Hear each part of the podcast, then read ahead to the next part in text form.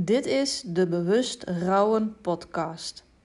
Mijn naam is Brenda van Zanden en in deze podcast neem ik je mee in mijn ervaringen met rouw en verlies. Isabel had dus een zeer zware hersenafwijking. Een zeer zeldzame hersenafwijking. Lysencefalie heet het. En dat staat voor gladde hersenen. Als je bij ons een MRI-scan maakt van de hersenen, dan zie je de kronkels en de windingen, zoals dat genoemd wordt. En bij Isabel zag je dat het uh, vanaf de hersenstam, geloof ik, als ik het goed zeg, zag je dat het wel een beetje begon met die windingen, maar dat het daarna gewoon echt uh, hartstikke glad uh, was. Um, daar hebben we toen de tijd ook allerlei uh, genetisch onderzoek naar gedaan. En daar is toen uitgebleken dat het niet uh, erfelijk uh, is wat Isabel heeft. En ja, dat de kans dat het bij een eventueel broertje of zusje ook zo, zou, zo zou zijn, zou echt heel, heel, heel klein zijn. Um, ja, je zou bij wijze van eerder nog een miljoen winnen in de staatsloterij dan dat uh, het broertje of zusje dezelfde afwijking zou hebben.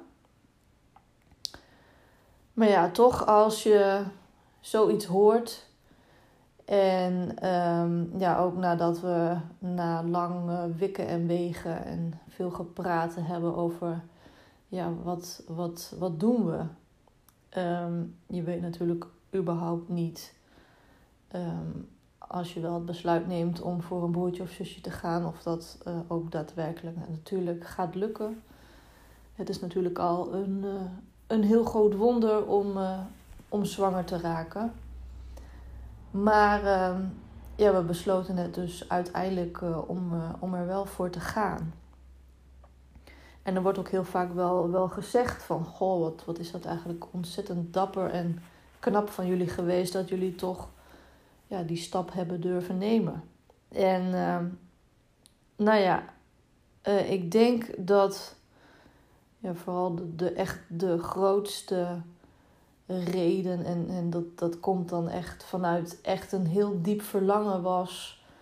om ook te mogen ervaren hoe het is om een gezond kind te hebben. Omdat het natuurlijk in Isabels geval was uh, dat het ons eerste kindje was.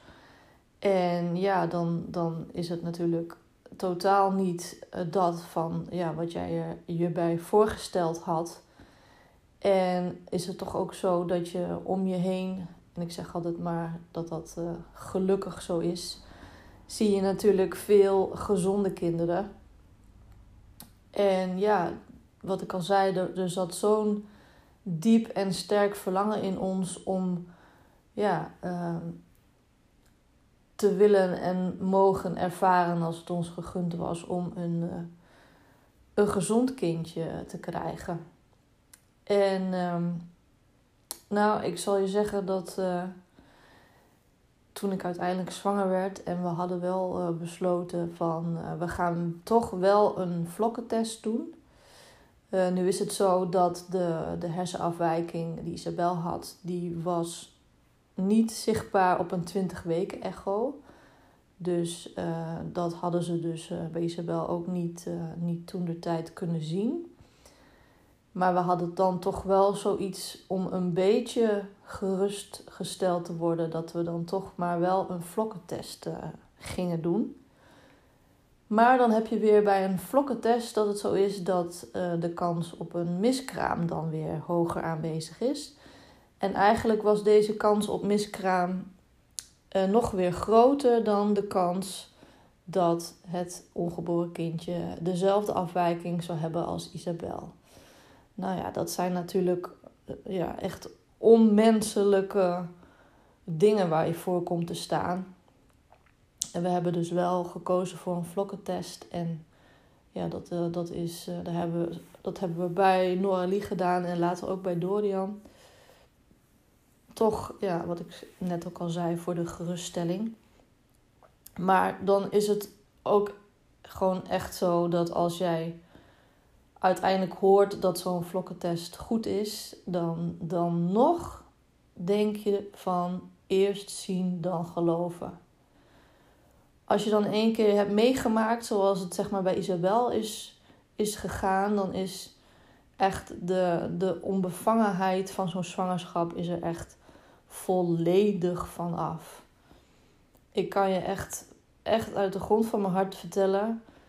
Helemaal bij Noralie en, bij Dorian was het alweer ietsje minder. Maar bij Noralie waren het echt negen maanden gewoon vol, vol stress. Echt. Dus we kregen inderdaad een goede uitslag van zo'n vlokkentest. En toen heb ik daarna nog de hele tijd gedacht: ja, maar.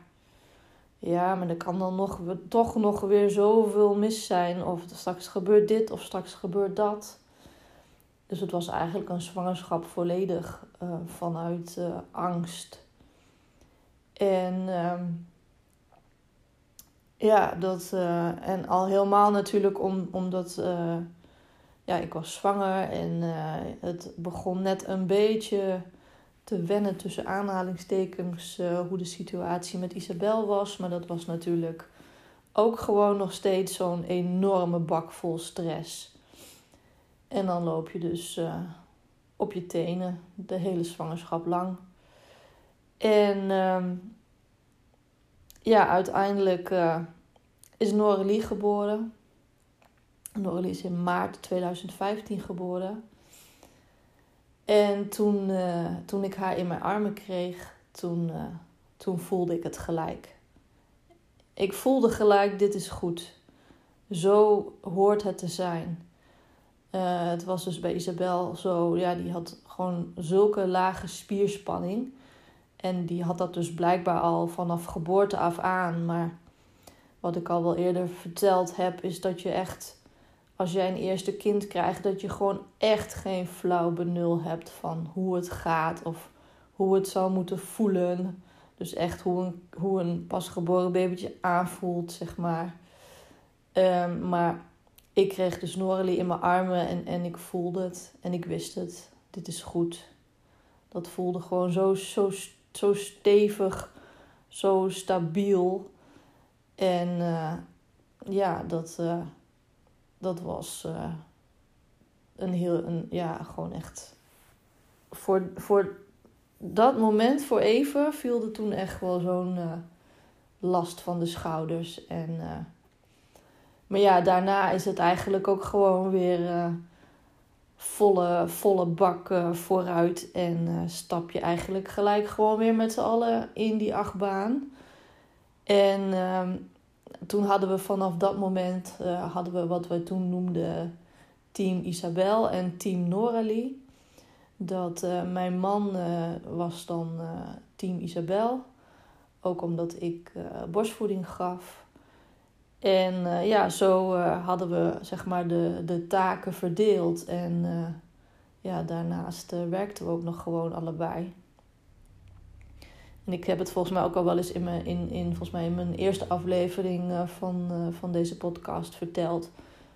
Dat, dat die tijd ook gewoon zo als een roes voorbij is gegaan. Dat ik, dat ik nu niet eens meer heel goed kan bedenken hoe we dat toch eigenlijk allemaal deden. Hè? Zonder hulp of zonder, zonder wat dan ook. Ja, wel natuurlijk dat, dat Isabel wel eens bij mijn ouders uh, ging logeren, dat dan wel. Maar dan heb je dus ineens een een eh, baby erbij naast een zorgintensief kind. Ja, dat, dat is echt wel heel, heel, heel hard werken. Dat, ja, dat is echt. En dat je dan, wat ik nu, dat is het volgende zeg maar. Dat je dan uiteindelijk ook nog erover gaat hebben van: Goh, en dat komt dan denk ik voort vanuit een ander heel diep verlangen. En dan vooral gericht op Noralie. Zo van, goh, zou het voor haar ook niet fantastisch zijn om te mogen ervaren hoe het is om een gezond broertje of zusje te hebben. En ja, dus zo kwamen we op, uh, op nummer drie. En dat je, nou ja, ook best wel weer veel, veel discussie daarover gehad. En omdat je ook al zag hoe heftig het natuurlijk was om naast Isabel ook al een ander kind te hebben. En dat je dan ook nog gaat bedenken van, oh joh, we doen er nog even een derde bij, om het maar even zo te zeggen. Zo ging het natuurlijk niet, maar... En, ehm, maar ja, wat ik al zei, toch ook weer vanuit zo'n diep verlangen. Dat je toch ja, met elkaar die stap toch weer durft te zetten. Ook al ja, weet je precies uh, wel weer hoe het gaat. Omdat je het natuurlijk met Noralie ook beleefd hebt. En weet je ook gewoon dat ook dit niet zo'n totaal geen onbevangen zwangerschap zal gaan zijn. Um, maar dan inderdaad toch, uh, toch het besluit genomen om het uh, te gaan proberen. En ja, dan was het ook gelijk padboom raak. Dat, dat is ook wel even heel erg schrikken. Dat je toch ja, een beetje, beetje twijfel misschien, ja en toen was het dus gelijk raak. Dus echt, wow, echt van, komt er ook gewoon nog een derde bij. En uh, nou, dat, toen kwam ook wel steeds meer het besef van, ja, dan komt er een derde, maar uh, dan is het uh, nu toch uh, wel de hoogste tijd om hulp te gaan opschakelen voor de zorg van Isabel. Ook natuurlijk um, volledig gericht ook op de twee andere kinderen, die het natuurlijk gewoon ook voor de volle 100% uh, de aandacht moeten, moeten gaan krijgen. Al moet ik wel zeggen dat in een gezin waar een zorgintensief kindje is, het haast bijna niet mogelijk om de andere 100% aandacht te kunnen geven. Daar, daar ben ik gewoon heel erg eerlijk in. En dat zie je ook eigenlijk pas als, uh, nou, zoals in ons geval, uh, het zorgintensieve kind wegvalt. Maar goed, toen zeiden we van ja, dan gaan we nu toch ook wel echt hulp, hulp inschakelen. En ehm, het was, denk ik, moet ik even goed nadenken Dorian is geboren op 26 november 2016. En ik denk misschien dat ze hier ook wel naar luistert en zij weet het vast nog wel heel goed. Maar ik was hoogzwanger van Dorian en toen kwam uh, onze lieve Inge bij ons op sollicitatiegesprek. En zij is toen op 1 januari bij ons begonnen. Zoals eerst de verpleegkundige hulp van Isabel. En uh, ja, als, uh, als je dat dan eenmaal ervaart hoe dat is, hulp in huis. Maar als ik daar nu zo over praat, dan denk ik van dat uh, is denk ik ook wel weer een hele mooie om daar een keer een volgende aflevering mee op te nemen. Dus voor hier uh, laat ik het even bij.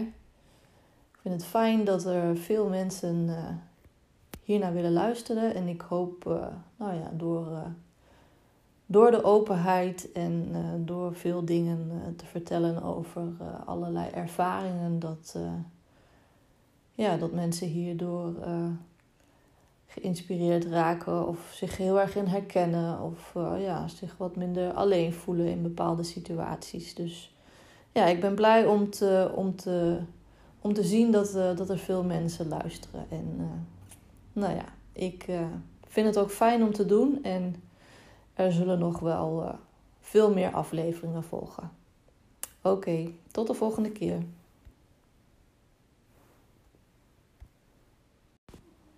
Meer over mij kun je vinden op www.puurisabel.nl of volg me via Instagram, puurisabel of de Facebookpagina Puur Isabel.